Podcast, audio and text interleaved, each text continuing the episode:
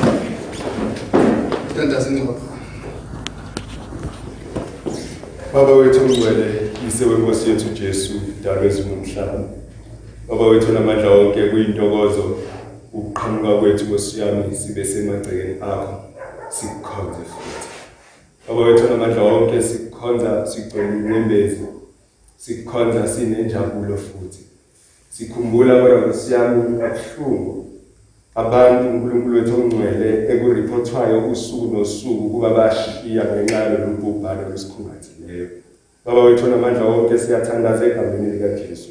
Sinxusa Nkosi yami uvikelo oluqhamuka kuwe. Sinxusa uNkulunkulu wethu ongcwele ukuthi usigcine. Egameni likaJesu ugcina ukukholwa kwethu. Sibuyise uNkulunkulu wethu ongcwele sikukhonze ngokwenama sibuyise uNkulunkulu wethu ongcwele sikukhonze ngentokozo epheleleyo. Singajeqezi emuva ngenxa yezimo ezenzakalayo. Singabi nalivalo singabi nakwesaba kodwa sikukhonze nsuku zonke sikubabaze wena wedwa. Egameni likaJesu Kristu waseNazaretha naye Nkosi yami inkonzo sikunikela kuwe iba nathi khuluma ngezwi lakho kithina egameni likaJesu Kristu inkosi ebese Nkosi yami siyasindiswa bese Nkosi yami uyathinta abantwana bakho ebese Nkosi yami ukholo lwethu luyavuseleleka hlala nathi njalo ungasilahli ungasemuntu umoya wakho ongcwele usifikele njalo uNkulunkulu wethu ongcwele usithwale insuku zonke. Baba siyakudinga. Sidinga wena uNkulunkulu wethu. Ngoba ngosiyami wena isixazululo nesisombululo sakho konke nkosiyami empilweni zethu. Baba wethu namandla onke siza kuwe sithi sehlulekile. Okwethu ukuqonda uNkulunkulu wethu namandla kuphelile. Awethu amandla uNkulunkulu wethu ongcwele ashabalele. Amathembe sizakhele wona ngosiyami agubhile. Baba siyanxusa. Ukuthi uNkulunkulu wethu ongcwele iba yithemba sisombululele inkinga esibhekene nayo egameni likaJesu Kristu waseNazaretha. Siyakhumbula uNkulunkulu wethu ongcwele sikukhonza sinokwenama sikukhonza singenama limitations sikukhonza uNkulunkulu wethu ongcwele ehlangene nabangcwele bakho. Sihlanganyela nkosiyami even emishini. Ey'ndaweni zonke la sikukhonza khona siyakhumbula nkosiyami iy'nhlelo besiyihleli nezingekwazi ukuqhubeka. Baba wethu namandla wonke siyathandaza. Sivuselele uNkulunkulu wethu ongcwele. Sivuselele ngamunye ngamunye. uNkulunkulu wethu ongcwele ukukhuluma kwethu makungacishi baba wethu ongcwele usathane uyanyenyeza nsuku zonke ukuba senze ukubheka oceleni ngoba nkosi yami ukuhlangana asisenakho ngoba nkosi yami ukuvuselelana nokufakazelana sisenakho siyanxusa nkosi iba nathi. Egameni likaJesu Kristu waseNazaretha noma silana abanye nkosi yami banolile emakhaya ukuthi abakwazanga ukuphumelela ngenxa yeminyaka. Egameni likaJesu nangenxa yokuthuthumela kwalesifo baba siyathandaza. Iba nathi uNkulunkulu wethu ongcwele sixazululele inkinga esibhekene nayo. Usiphe ukwenama isitha sisitshontshele kona. Ebese nkosi yami siyakukhonza njalo sikunikeze udumo olufaneleyo ngojesu kristu inkosi yethu siyakucela konke lokhu amen Mabhayibheli ethu siwavule encwadini Isaiah 55 from verse 1 to 13. Isaiah chapter 55 from verse 1 to 13. Sengiyafunda ke. Wedina nonke enomileyo wozani niphuze. Nani eningenamali wozani nithenge. Nidle wozani nithenge ngaphandle kwemali. Yebo iwayini nobisi. Kungabizwa lutho. Nichithelani imali yenu kukho ongesiso isinkwa nenzuzo yenu kukho ongenelisiyo na? Ngilaleleni. Ngilaleleni nokumngilalela nidle okuhle. Umphefumulo wenu ujabule ngamanoni. Bekani indlebe zenu kimi. Nizwe uyakuphila umphefumulo wenu. Ngiyakwenza nani isivumelwano esiphakade. Izenzo zomusa oqinisikileyo zika Davide beka inika abe ngufakazi kubantu umholi nomyali wabantu. Beka uyakubiza izizwe ongazaziyo nezizwe ebezingakwazi ziyakugijimela kuwe. Ngenxa kaJehova uNkulunkulu wakho nangenxa yongcwele kaIsrayeli ngokuba ukudumisile. Mfuneni uJehova esenokutholwa nimbize eseseduze omubi makashiye indlela yakhe. Nomuntu owenza okubi imicabango yakhe. Abuyele kuJehova. Uyakuba nomusa kuye. Yebo abuyele kuNkulunkulu wethu. Ngokuba uyakwenza ukuthethelela kube kukhulu. Ngokuba imicabango yenu imicabango yami ayisimicabango yenu. Nezindlela zami azisizo izindlela. Nezindlela zenu azisizo izindlela zami usho uJehova ngokuba njengo ukuba njengamazulu aphakeme kunomhlaba. Kanjalo izindlela zami ziphakeme kunezindlela zenu. Nemicabango yami kunemicabango yenu. Ngokuba njenga njengokwehla kwemvula neqhwa ezulwini kungabuyeli khona. Kepha unethise umhlaba kuwenze ukuba uthele uhlume unike ohlwanyelayo inhlwanyelo nodlayo isinkwa liyakuba njalo izwi lami eliphuma emlonyeni wami aliyikubuyaze kimi lingafezanga lokho engikufunayo liphumelele kulokhu engilithume khona. Ngokuba niyakuphuma ngokuthokoza niholwe ngokuthula izintaba namagquma yakuqhumuka uhlabelele. Phambi kwenu.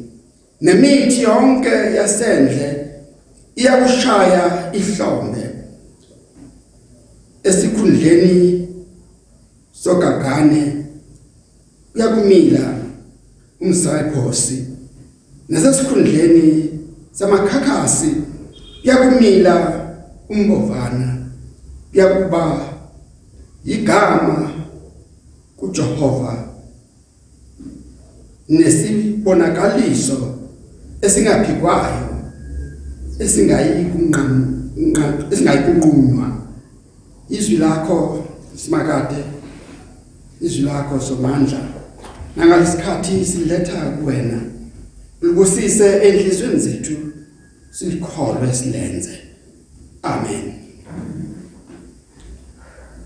Bazalwane ngiyambingelela nonke egameni lenkosi uJesu mama mfundisi pastor Ngcobo ma member e church council.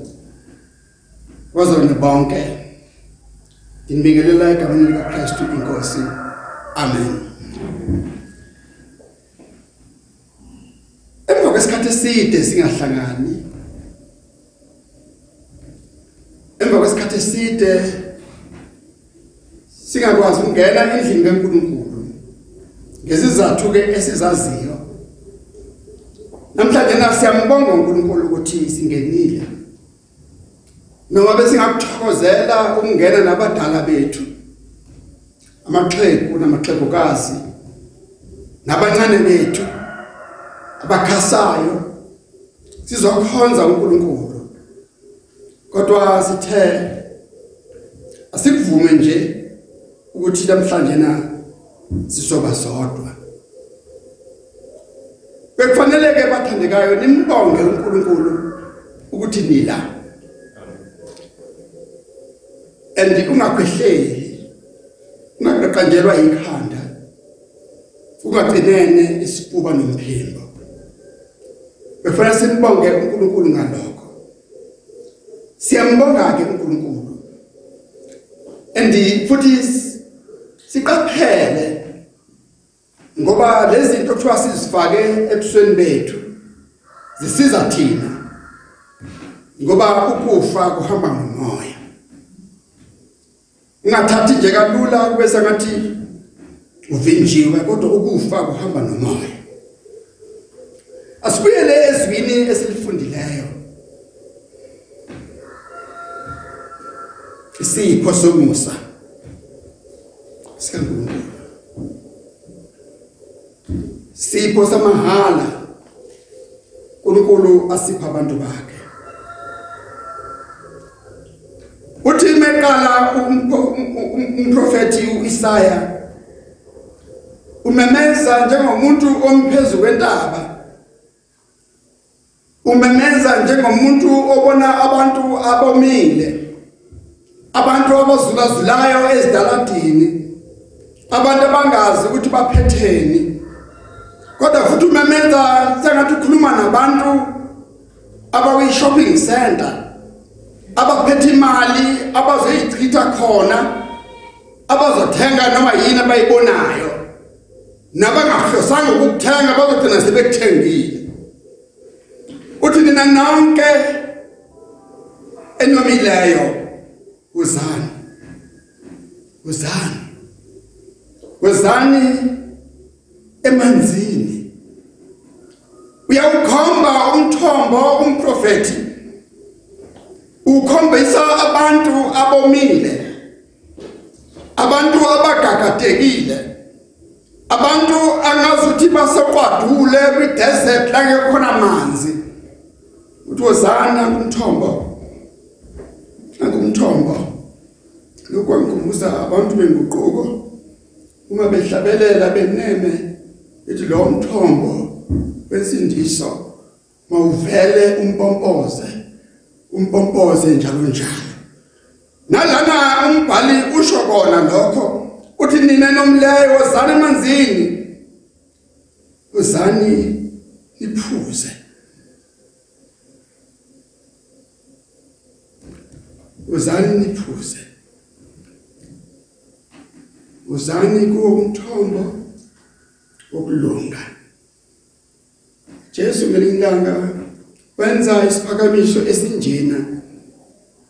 Wenza isimemezelo esinjena uJesu kwelilanga uma emi phakathi kwabantu. Mawufunda uMathewu 11:29 umemeza kanjalo uJesu ethi uNkulunkulu ufihle izinto ezinkulu. Wafihlela abantu abahlakaniphile nabaziyo wakombulela izingane. Aphinde amemeza kanjalo uJesu kuJohane 6 nakuJohane 7 ezikhomba yena njengomthombo wamanzi okuphila ezikhomba yena ukuthi okuphuzile kuyena kasoze oma kodwa isini sakhe kuyogeleza amanzi okuphila. Nalana umprofeti usho njalo uthi nina enomileyo uzani uzani niphuze nani eningenamali uzani nithenge. Emazweni anesomiso amanzi adayiswe emgaqweni amanye amanzi akhona wadayiswa ngamabhodlela kodwa afaka kotwazi ubona umuntu eshuthe ucwazi emlonyeni ubona ukuthi usizi kwalona lolu. Ngoba basemazweni aomileyo kodwa nanka amanzi uJesu awamemezelayo. Uthi amahala awazi ukuthengwa uthi nabangenamali bazokwazi ukuthenga. Bazolithenga iwayini balithenge ubisi. Kuze athi imali yenu bengafanele niyichithe ezintweni ezingeyona inzuzo. Kodwa izothenga ngamahala. Angithi bathandekayo ngisekhona nje la. Ngithi insindiso yethu isikhokhelwe impilo yaphakade sesikhokhelwe okusele kimina nakuwena ukuyithatha insindiso mahala ukukuthatha ukuzalwa kabusha mahala. Ukukuthatha uthethelwa kwezono mahala. Ukukuthatha ube umntwana kaNkulunkulu mahala. Akuthathekwa ngemali. Ingake uyichithelana imali yakho ezintweni eziphelayo. Kukhona ukuphila okuphakade ozokuthola ngesihle nje ozokuthola mahala. Intengo yakho konke seyakhokhwa. Esiphambanweni uJesu memile khona ukhokha lonke inani lesono sakho. Ukhokha lonke inani lecala lakho. Uqeda zonke izindaba ngawe ngakho usukhokhelwe okufanele ukwenze wena ukuba uze kuyena. Ngithanda umbhali wencwadi yabaseRoma 8:32 wakhona uma ethi yena owasipha indodana. Kungaba kanjani abangasiphi konke kanye nendodana? Ingakho izwi lithi ngithelani imali ezintweni ezingasizi ngishilo ngathi umbhali lana umprofeti ukhuluma zathi ubuka abantu abokuyi marketplace ubona umuntu obonasile okuyi marketplace ubona umuntu one big pay okuyi marketplace ubona umuntu ngokhisimusi ephethe imali engazi uzokuthengani athenge athenge nobani. Thenga into engasisi kodwa icala lihlawuliwe. Intengo yokuphila kwakho ikhokhiwe. Kufanele sithenge okuzosiphilisa Ngithelani imali yenu kukho ngesona isinkwa na Jesu uyisinkwa sokuphila. Bekufanele sichithe isikhathi sethu ne nako konke kwethu kuJesu. Umpostoli uPetro esahlubeni sesibili encwadini yakhe yokuqala uthi langazelelani ubisi. Njengezingane langazelelani ubisi. Lokomoya olungena konakala not the skim milk but the full cream milk. Bisi kwangempela olungena konakala chitha imali kokuyize. Chitha imali kokungasiziyo ngilaleleni ngokungilalela. Idle okuhle. Umphefumulo wenu ujabule. Ngamanoni uma nihlale kuye namuzwa nizodla nisuthe nizodla nisuthiswe. Ngamanoni okuphila okuphakade ngamanoni uNkulunkulu asibekele wona. Beka indlebe bekani indlebe zenu kimi nizwe. Yaku uyakuphila umphefumulo wenu. Uma silalela izwi likaNkuluNkulu. Uma silenza izwi likaNkuluNkulu siyophila siyokhululwa siyosindiswa soba izidaba ezintsha. Kodwa masikalaleli izwi likaNkuluNkulu lingana ngalana liphume ngalana yakuba yize konke okwethu.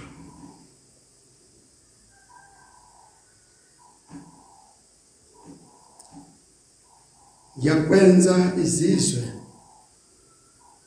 ongasaziyo nezizwe ebezingakwazi ziyakugijimela kuwe. Uma ulalela izwi laNkulunkulu uNkulunkulu yakuphakamisa uNkulunkulu yakwenza ugqame uNkulunkulu yakwenza abantu bakubheke bakubuze ukuthi wenza ngani uma bengakubuzi kusibe manje akuhlala ezweni. Amen. Akuhlala ezweni. Ngoba kuzofika lapho bekubuza khona ukuthi wenza ngani wena? Kuyobuza bezizwe. Kuyobuza abantu abaziyo. Kuyobuza labantu abangakwazi. Ukuthi yini impilo yakho yahluka kangaka? Kungenxa kaNkulunkulu ngenxa kaJehova nongcwele kaIsrayeli. Uma siqhubeka nale ndaba umpostoli umprofeti ushintsha itone uthe eqaleni nina nonke nomleyo wozani niphuze nani ningenamali wozani ithenge ngaphandle komali bisikhokhiwe intengo. Sengathi ufuna ukuthi wena unevoucher yokungena uphume uphethe. Unevoucher udinga ukukhipha imali kuba ngumntwana kaNkuluNkulu ukwenza ukuthi unikezwe uphume uphethe. Kunezinto uNkulunkulu asengishilo nje ngathi kungaba kanjani oba ngakuphi konke kayino Christ yini ngafika bazathi ukhiye lana ukhiye lana usekukholweni izwi kaNkulunkulu. Amen. Ukhiye ukuvula lento ukukho ukulikholwa izwi likaNkulunkulu. Romans 8:32 Ihlala ngimbuka njalo even noma ngikhuleka ngithi inkosi yinike lento ongancisha yona. Lolu bala lolu uma usungiphe uJesu. Lolu bala lolu yinike lento ungazongisha yona. Vele uphonse kumina ngoba usuwakunika okukhulu. Amen. Kodwa umprofeti ufika la ishita khona ithongo uthi mfuneni uJehova esenokutholwa nimbize siseduzana eqaleni ube simema it wozani nomile wozani lambile nasi siko mahala nayinsindiso mahala nakuzalwa kabusha mahala nakubuntwana basezulwini mahala nanti ifalo kuphila okuphakade mahala and manje seshintsha ikhuluma uthi funani uJehova funeni uJehova esenokuthola mfune mfune mfune mfuna incwadi esihlabelelo uthi uSolomoni ngamfuna ngathi mase ngimtholile ngamfaka kuwo onke amakamelo enhliziyo yami uma usumfunile wamthola ungamdedeli yiba nguJakobe wasendulo othi uma semtholile athi angizukukushiya angizukukuyeka ungakangibusisi angizukukudedela noma ngasa ngizukukuyeka kuphela busisa mina wena bese ngikuyeka ke funeni esenokutholwa imbize siseduze ayibongwe inkosi funa uJehova namhlanje nakusasa usamenyezelwa ngakini usamenyezelwa kulesidarati usamenyezelwa kulendlu. Usamenyezelwa emisakazweni nangesindlela zonke ezikhona. Usashunayelwa namhlanje na usathola. Mfune. Mfune. Mfune. Tshela uJesu uthi mina ngifuna wena. Ngifuna wena. Uze athi embhalweni ongcwele ethi ngafunyanwa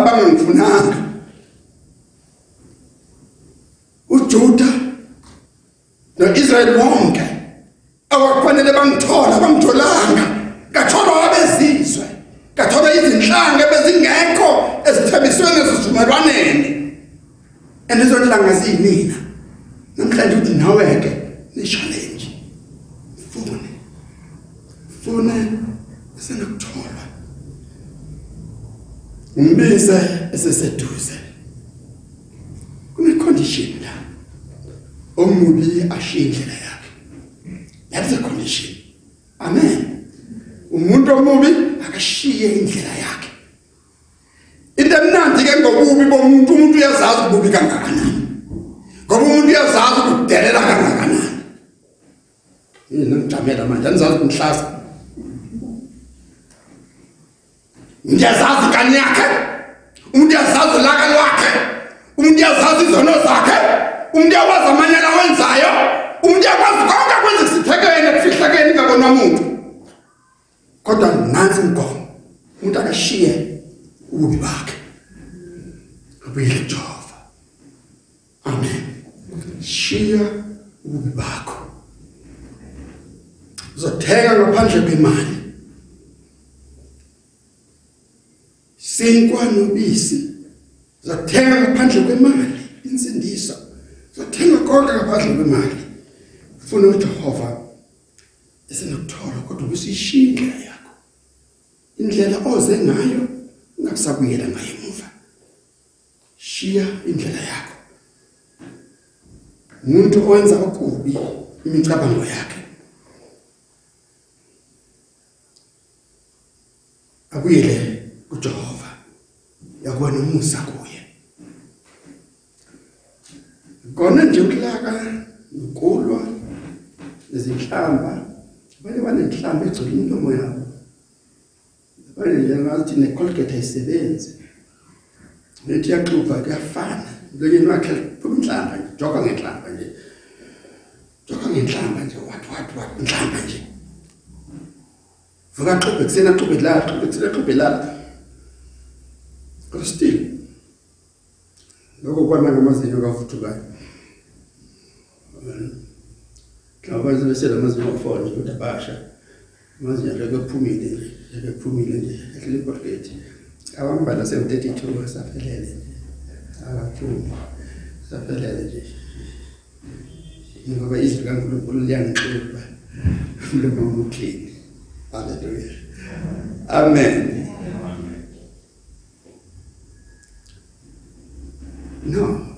Ukusho labathandekayo hayi nje ngokuhlekisa kuphela ebengifuna ukusho ukuthi akukona nje ukungcola okubonakalayo khona umuntu ofuna kushiya kodwa ingcola kumqondo. Khona izono zengqondo. Khona izono zemicabango. Khona izono ezingabonakali ezimudla umuntu engqondweni yakhe.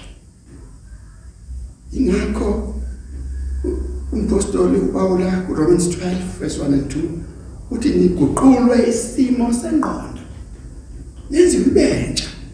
Ukuzalwa kabusha akube khona nasengqondweni. Shintshwe ukuqonda kwakho kushintshwe ukucabanga kwakho kushintshe ukwenza kwakho. No nomuntu owenza okubi imicabango yakhe abuyele kuJehova. Uyakwenza ukuthethelelwa kube kukhulu. Yebo abuyele kuNkulunkulu wenu. uNkulunkulu wethu. Ngokuba imicabango yenu esiyimicabango yami. Nemicabango yami isiyo imicabango yenu. Ngokuba njengokuphakama ngokuba njengamazulu ephakeme phezulu komhlaba kanjalo izindlela zami ziphakeme kunezindlela zenu. Sishintsha konke according to the izwi kaNkuluNkulu. Ngoba asipresume ukuthi ukusho ukuthi kodwa sibheka izwi kaNkuluNkulu. Ngoba lokho akufuna uNkulunkulu kusezwini lakhe imicabango yethu ayifani nemicabango yakhe. Imicabango yethu ingesingenise ezulwini owakhe umcabango osingenisayo. Eyakhe indlela esinika ukuphila okuphakade eyakhe indlela esinikeza ukuzalwa kabusha. Uzagarante ngezwi lakhe ukuthi alihluleki ukwenza umsebenzi. Uthi lifana nemvula nekho kufika phezulu komhlabathi kushiye umanzi umathe umilisa imfino umilise zonke izinto. Badla abatshalayo bajabule abavunayo linjalo izwi lakhe. Alibuyi lilambatha alisoze izwi lakhe lingawenzi umsebenzi. Lihlala li active lihlala lisebenza. Liyaphila. Liyaphila. Angcine ngokwenza quotation kama kaMatheo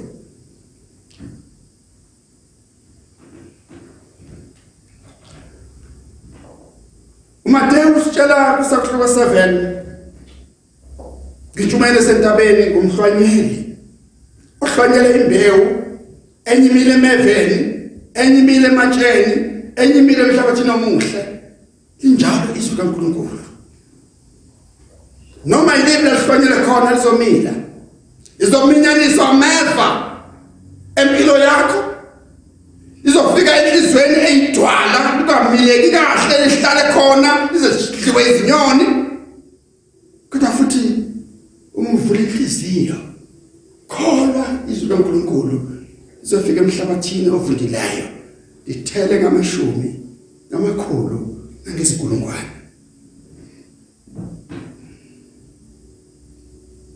andikumatheka ukuthi uJesu ebandleni lakhe nginika isihluthulelo sombuso wezulu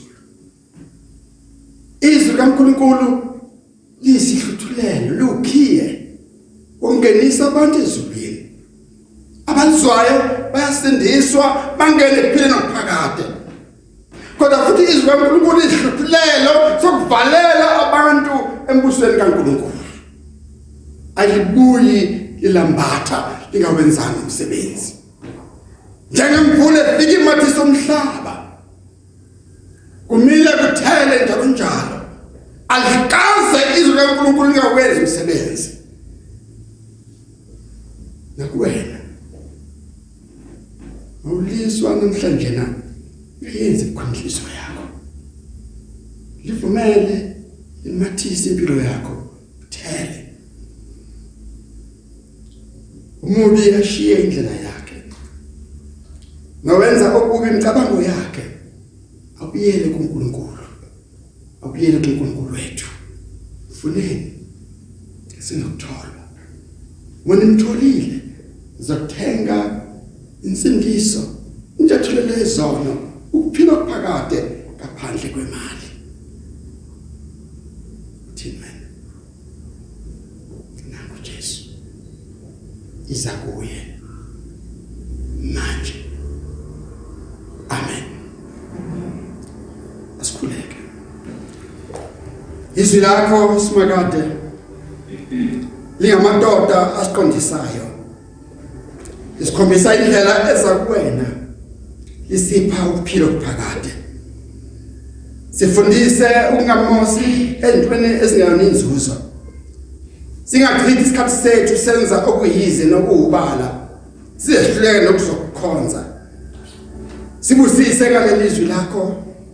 Siphe okwangempela. Okuqotho sinkwa sokuphila.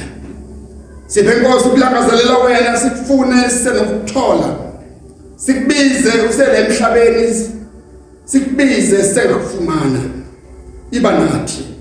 Siyabonga ukuba kule nkonzo sibuyela emakhaya ethu manje. Hamba nathi ezindleleni ezimotweni esihamba ngazo. Sifikele kuzo zonke izingozi ezingaba khona emgwaqweni. Sivikele nakuso isifo esikhona esihlasele izwe lakithi namazwe onke. Siyakhulekela bonke sebehlabekile. Egameni lika Jesu wabasindiswe. Siyakhulekela imindeni elahleka beyizihlobo zayo. Siyakhulekela abaphelelwe imisebenzi ngenxa yokugula. Sithi Nkosi yami ukuphila kuyoza ngawe. Insindiso iyoza ngawe. Sikhulekela ibandla lonke lakithi. abahlele emakhaya abangakwazi ukuza lana sibabeka kuwena. Sibabeka esandleni sakho. Letha Nkosi insindiso. Letha Nkosi ubusiso lwakho. Lokho sicela ngoKristu Nkosi. Amen. Bandlali mengezinyawo samukele Nkosi